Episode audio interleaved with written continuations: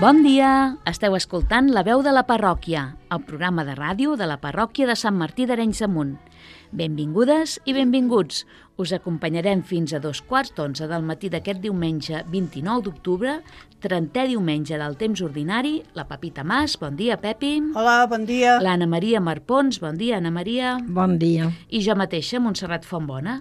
Com cada setmana també tenim aquí a mossèn Joan Soler. Bon dia, Hola, mossèn. bon dia, bon dia a tots. Com I al esteu? control tècnic hi tenim en Jordi Soler. La setmana passada varen veure com assetjaven Jesús a base de preguntes, però no per bona voluntat, sinó per tenir de què acusar-lo.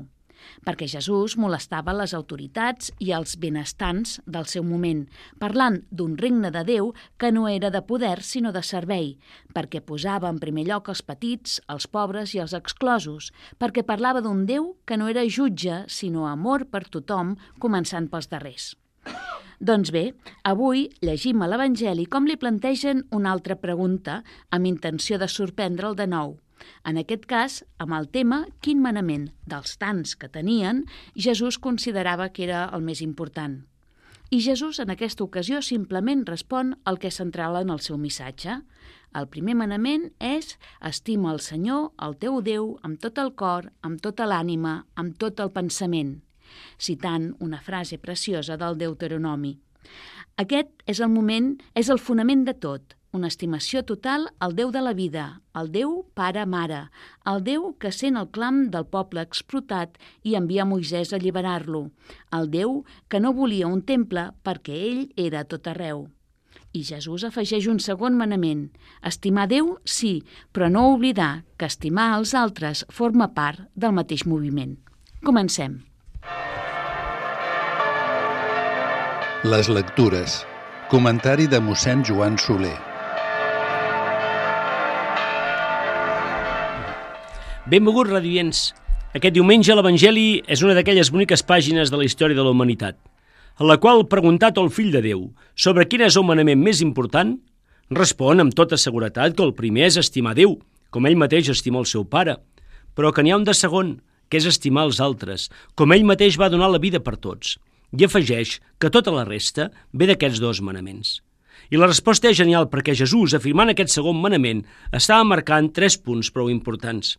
Primer, l'autenticitat, perquè deia de paraula el que els altres veien que era la seva vida.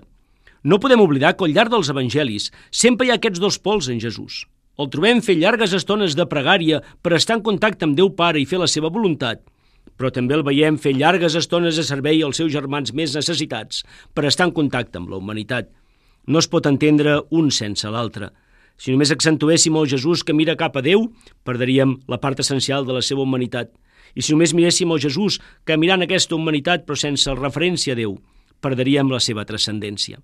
En segon lloc, trencàvem una concepció d'un fals home religiós, que feia veure que complia tots els preceptes davant Déu, però que després oblidava el seu germà, mostrant així de fet una mena d'ateisme pràctic, perquè dir que creus en Déu però no fer res per al teu germà, que és imatge de Déu, és negar a Déu mateix.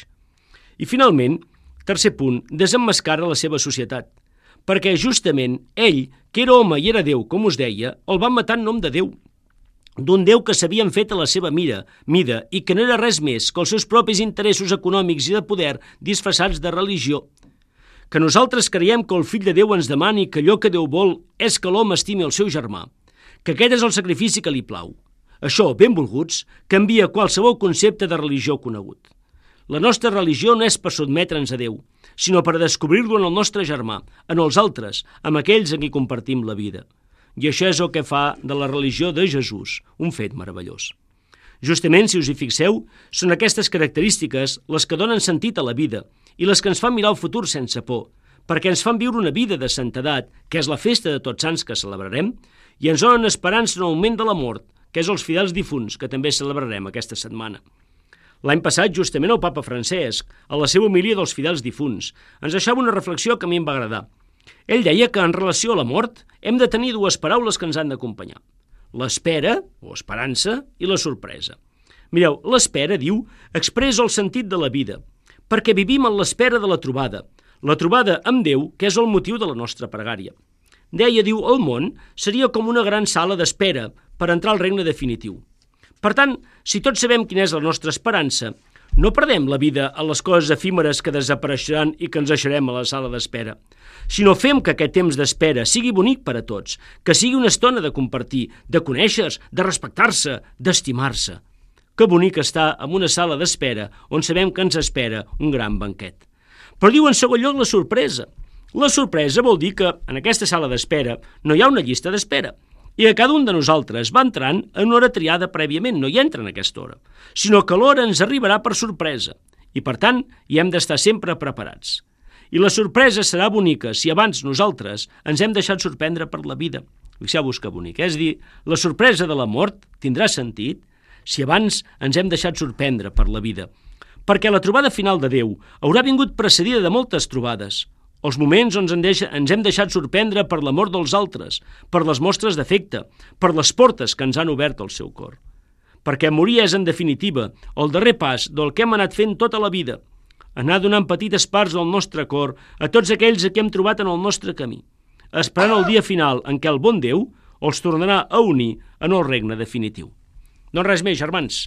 Tinguem aquesta espera i esperança, tinguem aquesta sorpresa i visquem estimant els altres i estimant a Déu i haurem descobert el sentit de la vida.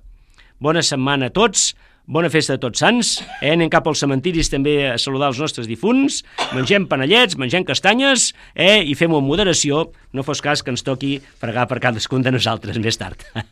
Adéu-siau.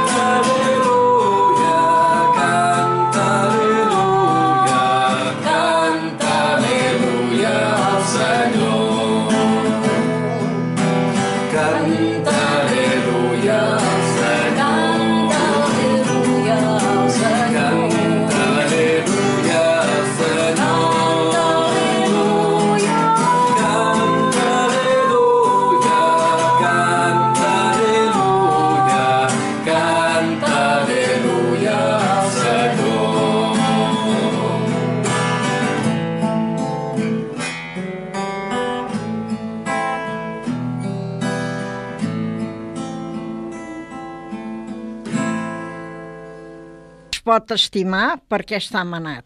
L'amor és una decisió lliure que es pot prendre quan sabem què vol dir ser estimats. El poble d'Israel s'havia sentit estimat per Déu al llarg de la seva història i ho va valorar tant que ho expressava en el seu codi de lleis en forma de manament. Jesús ens dirà que primer tots som estimats incondicionalment – i per això ens convida a fer el mateix. Estimeu-vos tal com jo us he estimat, ens diu. L'amor a Déu només serà real i autèntic si es tradueix en accions concretes.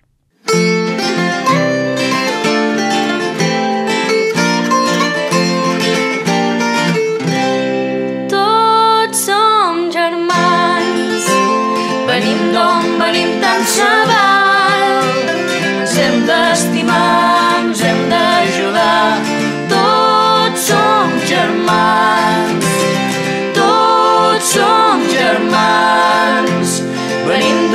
d'on venim tan segat.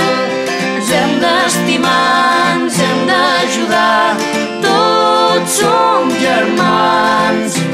La lluna somriu per a tots, per a tots el cel és tan blau tots tenim el dret de viure en pau, de ser tal com som perquè tots som iguals, tots som germans d'on venim tant se.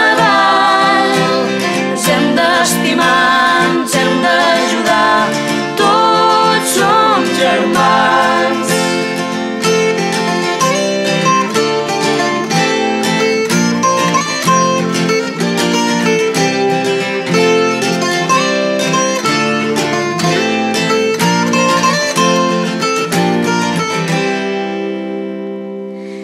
La claror del sol és de tots. Per a tots és l'aigua del mar, l'arena i els camps, els boscos i el blanc.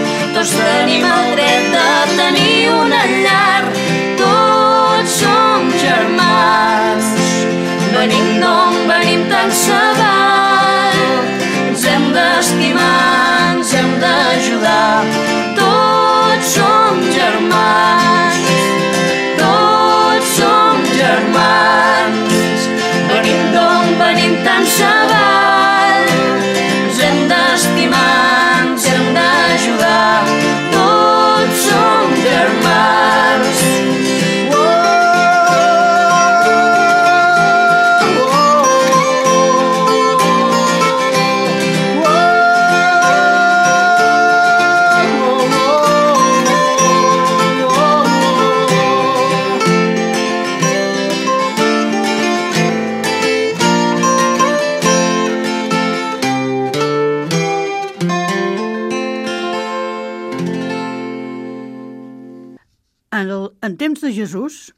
els grups religiosos acostumaven a pensar que, per la seva pròpia naturalesa, s'asseguraven el privilegi de l'autèntica interpretació de la veritat, una manera d'atribuir-se la raó a si mateixos en contra dels altres. És cert que els debats entre sectes jueves del temps de Jesús ja no són els nostres i poc ens interessa saber el punt de la llei que els fariseus volien privilegiar. El que és essencial per nosaltres consisteix en el fet que, reduint la llei a la seva essència, Jesús respon a un debat que també és del nostre temps. Amor a Déu o amor al proisme? Amb aquests termes s'enfronten actualment tots aquells que ells sols es creuen representar l'essència de la religió. Per uns, fer atenció als problemes concrets del nostre món i fer-ho fins a les seves últimes conseqüències pot portar-los, lamentablement, a separar-se de Déu. Per altres, tot el temps dedicat a Déu pot portar-los, lamentablement, a oblidar-se del proisme i de la terra. Avui, com ahir, Jesús ens obliga a sortir d'aquest dilema que l'únic que fa és amagar les nostres negacions i la nostra por.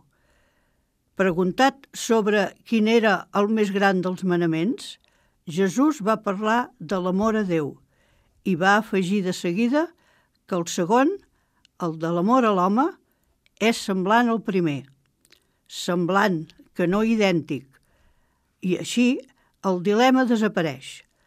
L'amor a Déu ens permet estimar de veritat el proisme i tota la creació i restar oberts i atents al pròxim i a totes les criatures que han sortit de les mans de Déu. Ens permet dir sense mentir que l'estimem. Llavors, podem dir que estimem Déu en el nostre pròxim i estimem el nostre pròxim amb Déu. Nosaltres tenim prou present que, gràcies a Jesús, l'amor de Déu té rostre humà? Sabem revisar sovint la qualitat del nostre amor per poder rebutjar els enganys i les nostres pretensions maldestres en la utilització d'aquest món? Ens atrevim, de veritat, a reformar la nostra migradesa i a superar els prejudicis i la indiferència davant la crida de Déu per viure com a germans amb tots els homes?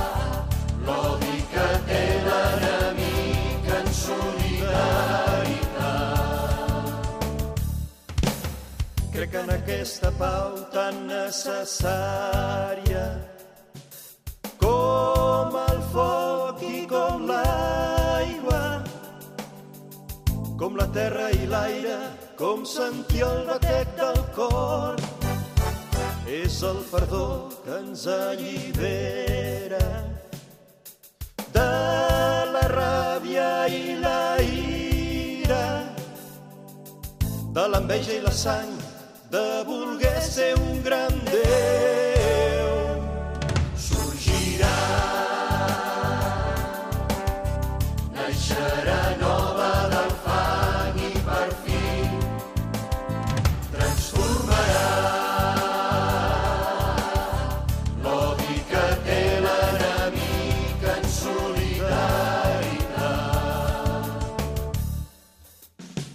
L'amnistia de l'exiliat que només cerca una llar més digna i permanent, lliure de repressió. És llibertat, espai obert. A la casa i a la fàbrica, a l'escola, al carrer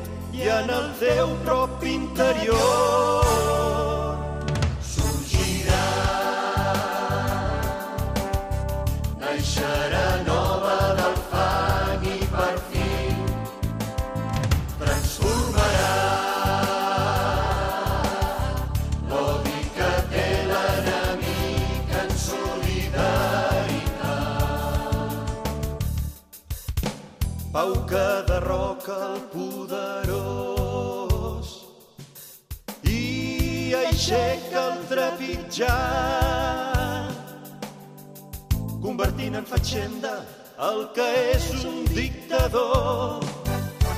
La pau que neix del poble, no la classe opulenta que utilitza la gent com un objecte més.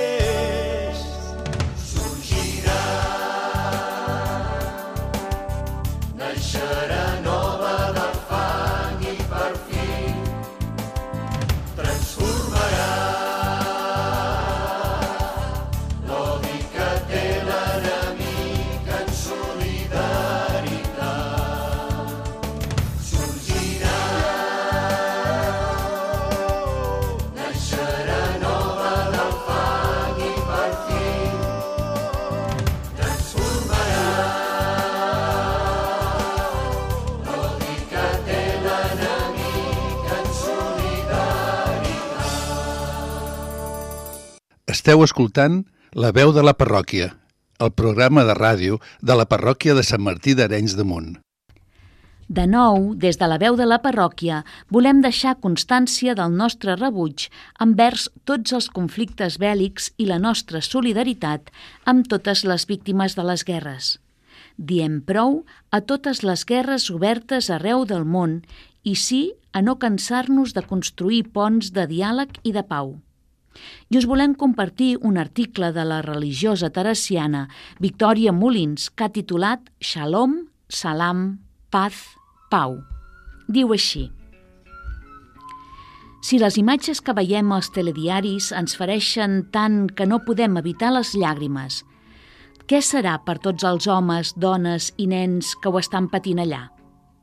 A la meva pregària, no puc deixar de preguntar a Jesús què és el que passa en el seu poble que mai troben la pau definitiva. I la resposta ha estat avui quan una amiga va enviat un d'aquells vídeos que il·luminen la vida, que li donen sentit i que fan pensar que mentre hi hagi dones com les del projecte que estic veient, no ens podem desanimar. Hi ha amor i tendresa en aquest planeta que alguns s'entesten a destruir. Milers de dones hebrees, musulmanes i cristianes han caminat juntes a Israel per la pau. Quin goig! Us ben asseguro que si no tingués els anys i les mancances que tinc, si tingués poder de convocatòria, organitzaria una marxa semblant amb les dones amb les quals convisc dia rere dia, malgrat que sigui lluny d'aquelles terres entestades a fer la guerra de tant en tant. El nostre papa francès i el patriarca llatí de Jerusalem, cardenal Pizzabala, ens inviten a l'única cosa que la majoria podem fer en aquest moment tan dolorós pels nostres germans jueus i palestins, pregar. I si podem fer-ho junts des de les diferents diverses religions, molt millor. L'únic Déu misericordiós i benigne escolta les pregàries dels fidels siguin d'on siguin i vinguin d'on vinguin quin goig pregar junts al Déu únic, creador de tot, pare i mare de tots, i demanar-li junts que els coets missils es converteixin en focs d'artifici, celebrant la pau, no pas la victòria, i celebrant-la amb l'abraçada humana que ens agermana per damunt de races, pobles, estats i nacions. Hello, hello.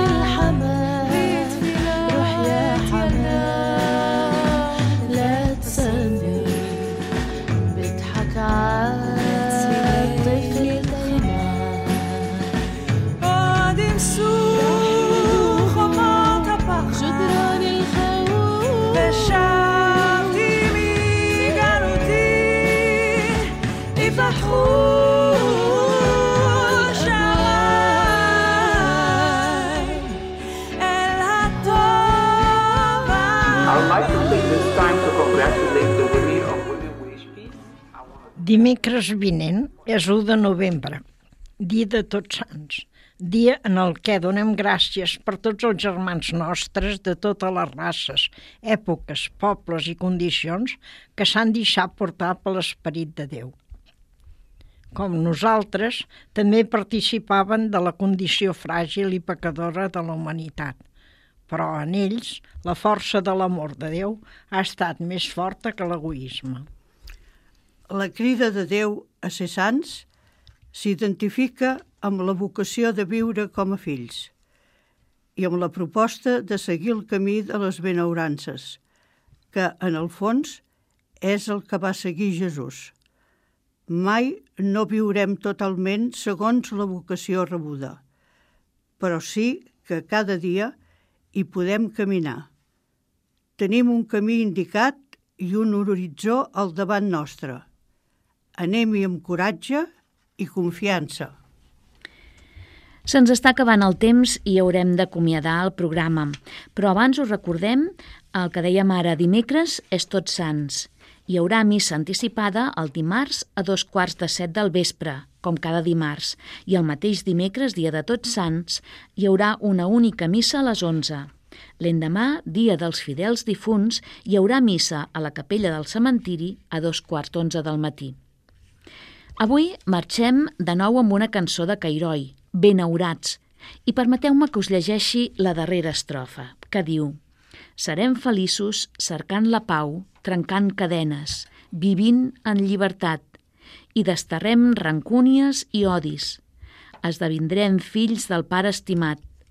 Serem feliços els perseguits quan perdonem aquell que ens ha ofès.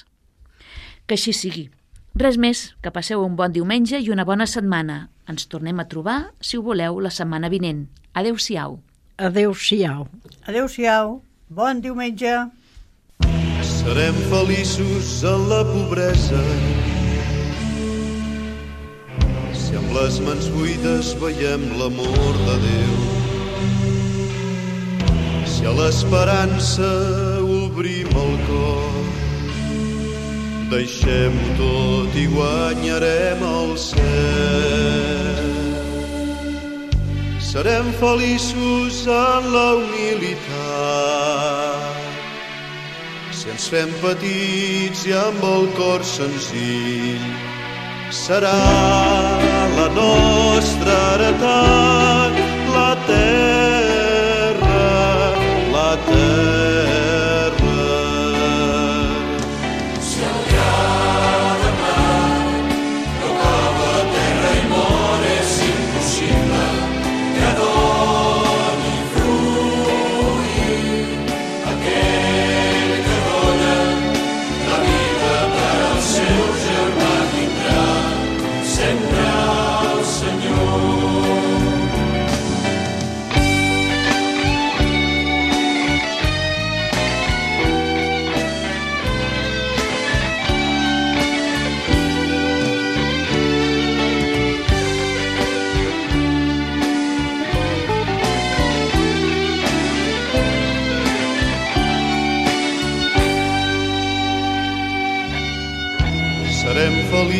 en compartir donant de franc el com del nostre temps. Aquí se sent sol i oblidat podrem gaudir la vida al regne etern. Serem feliços si som transparents, se'ns llegeix als ulls sinceritat. Podrem sentir dins del cor el Déu vivent,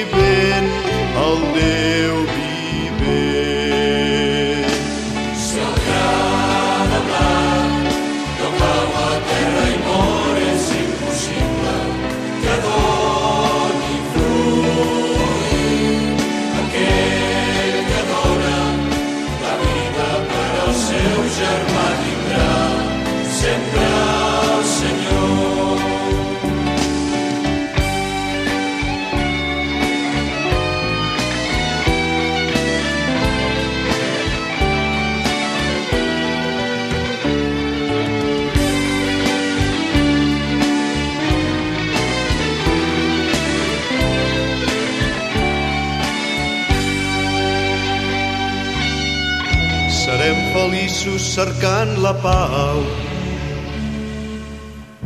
trencant cadenes, vivint en llibertat.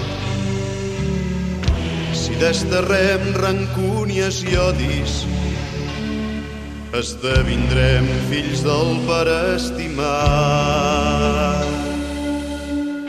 Serem feliços els perseguits, quan perdonem aquell que ens ha ofès.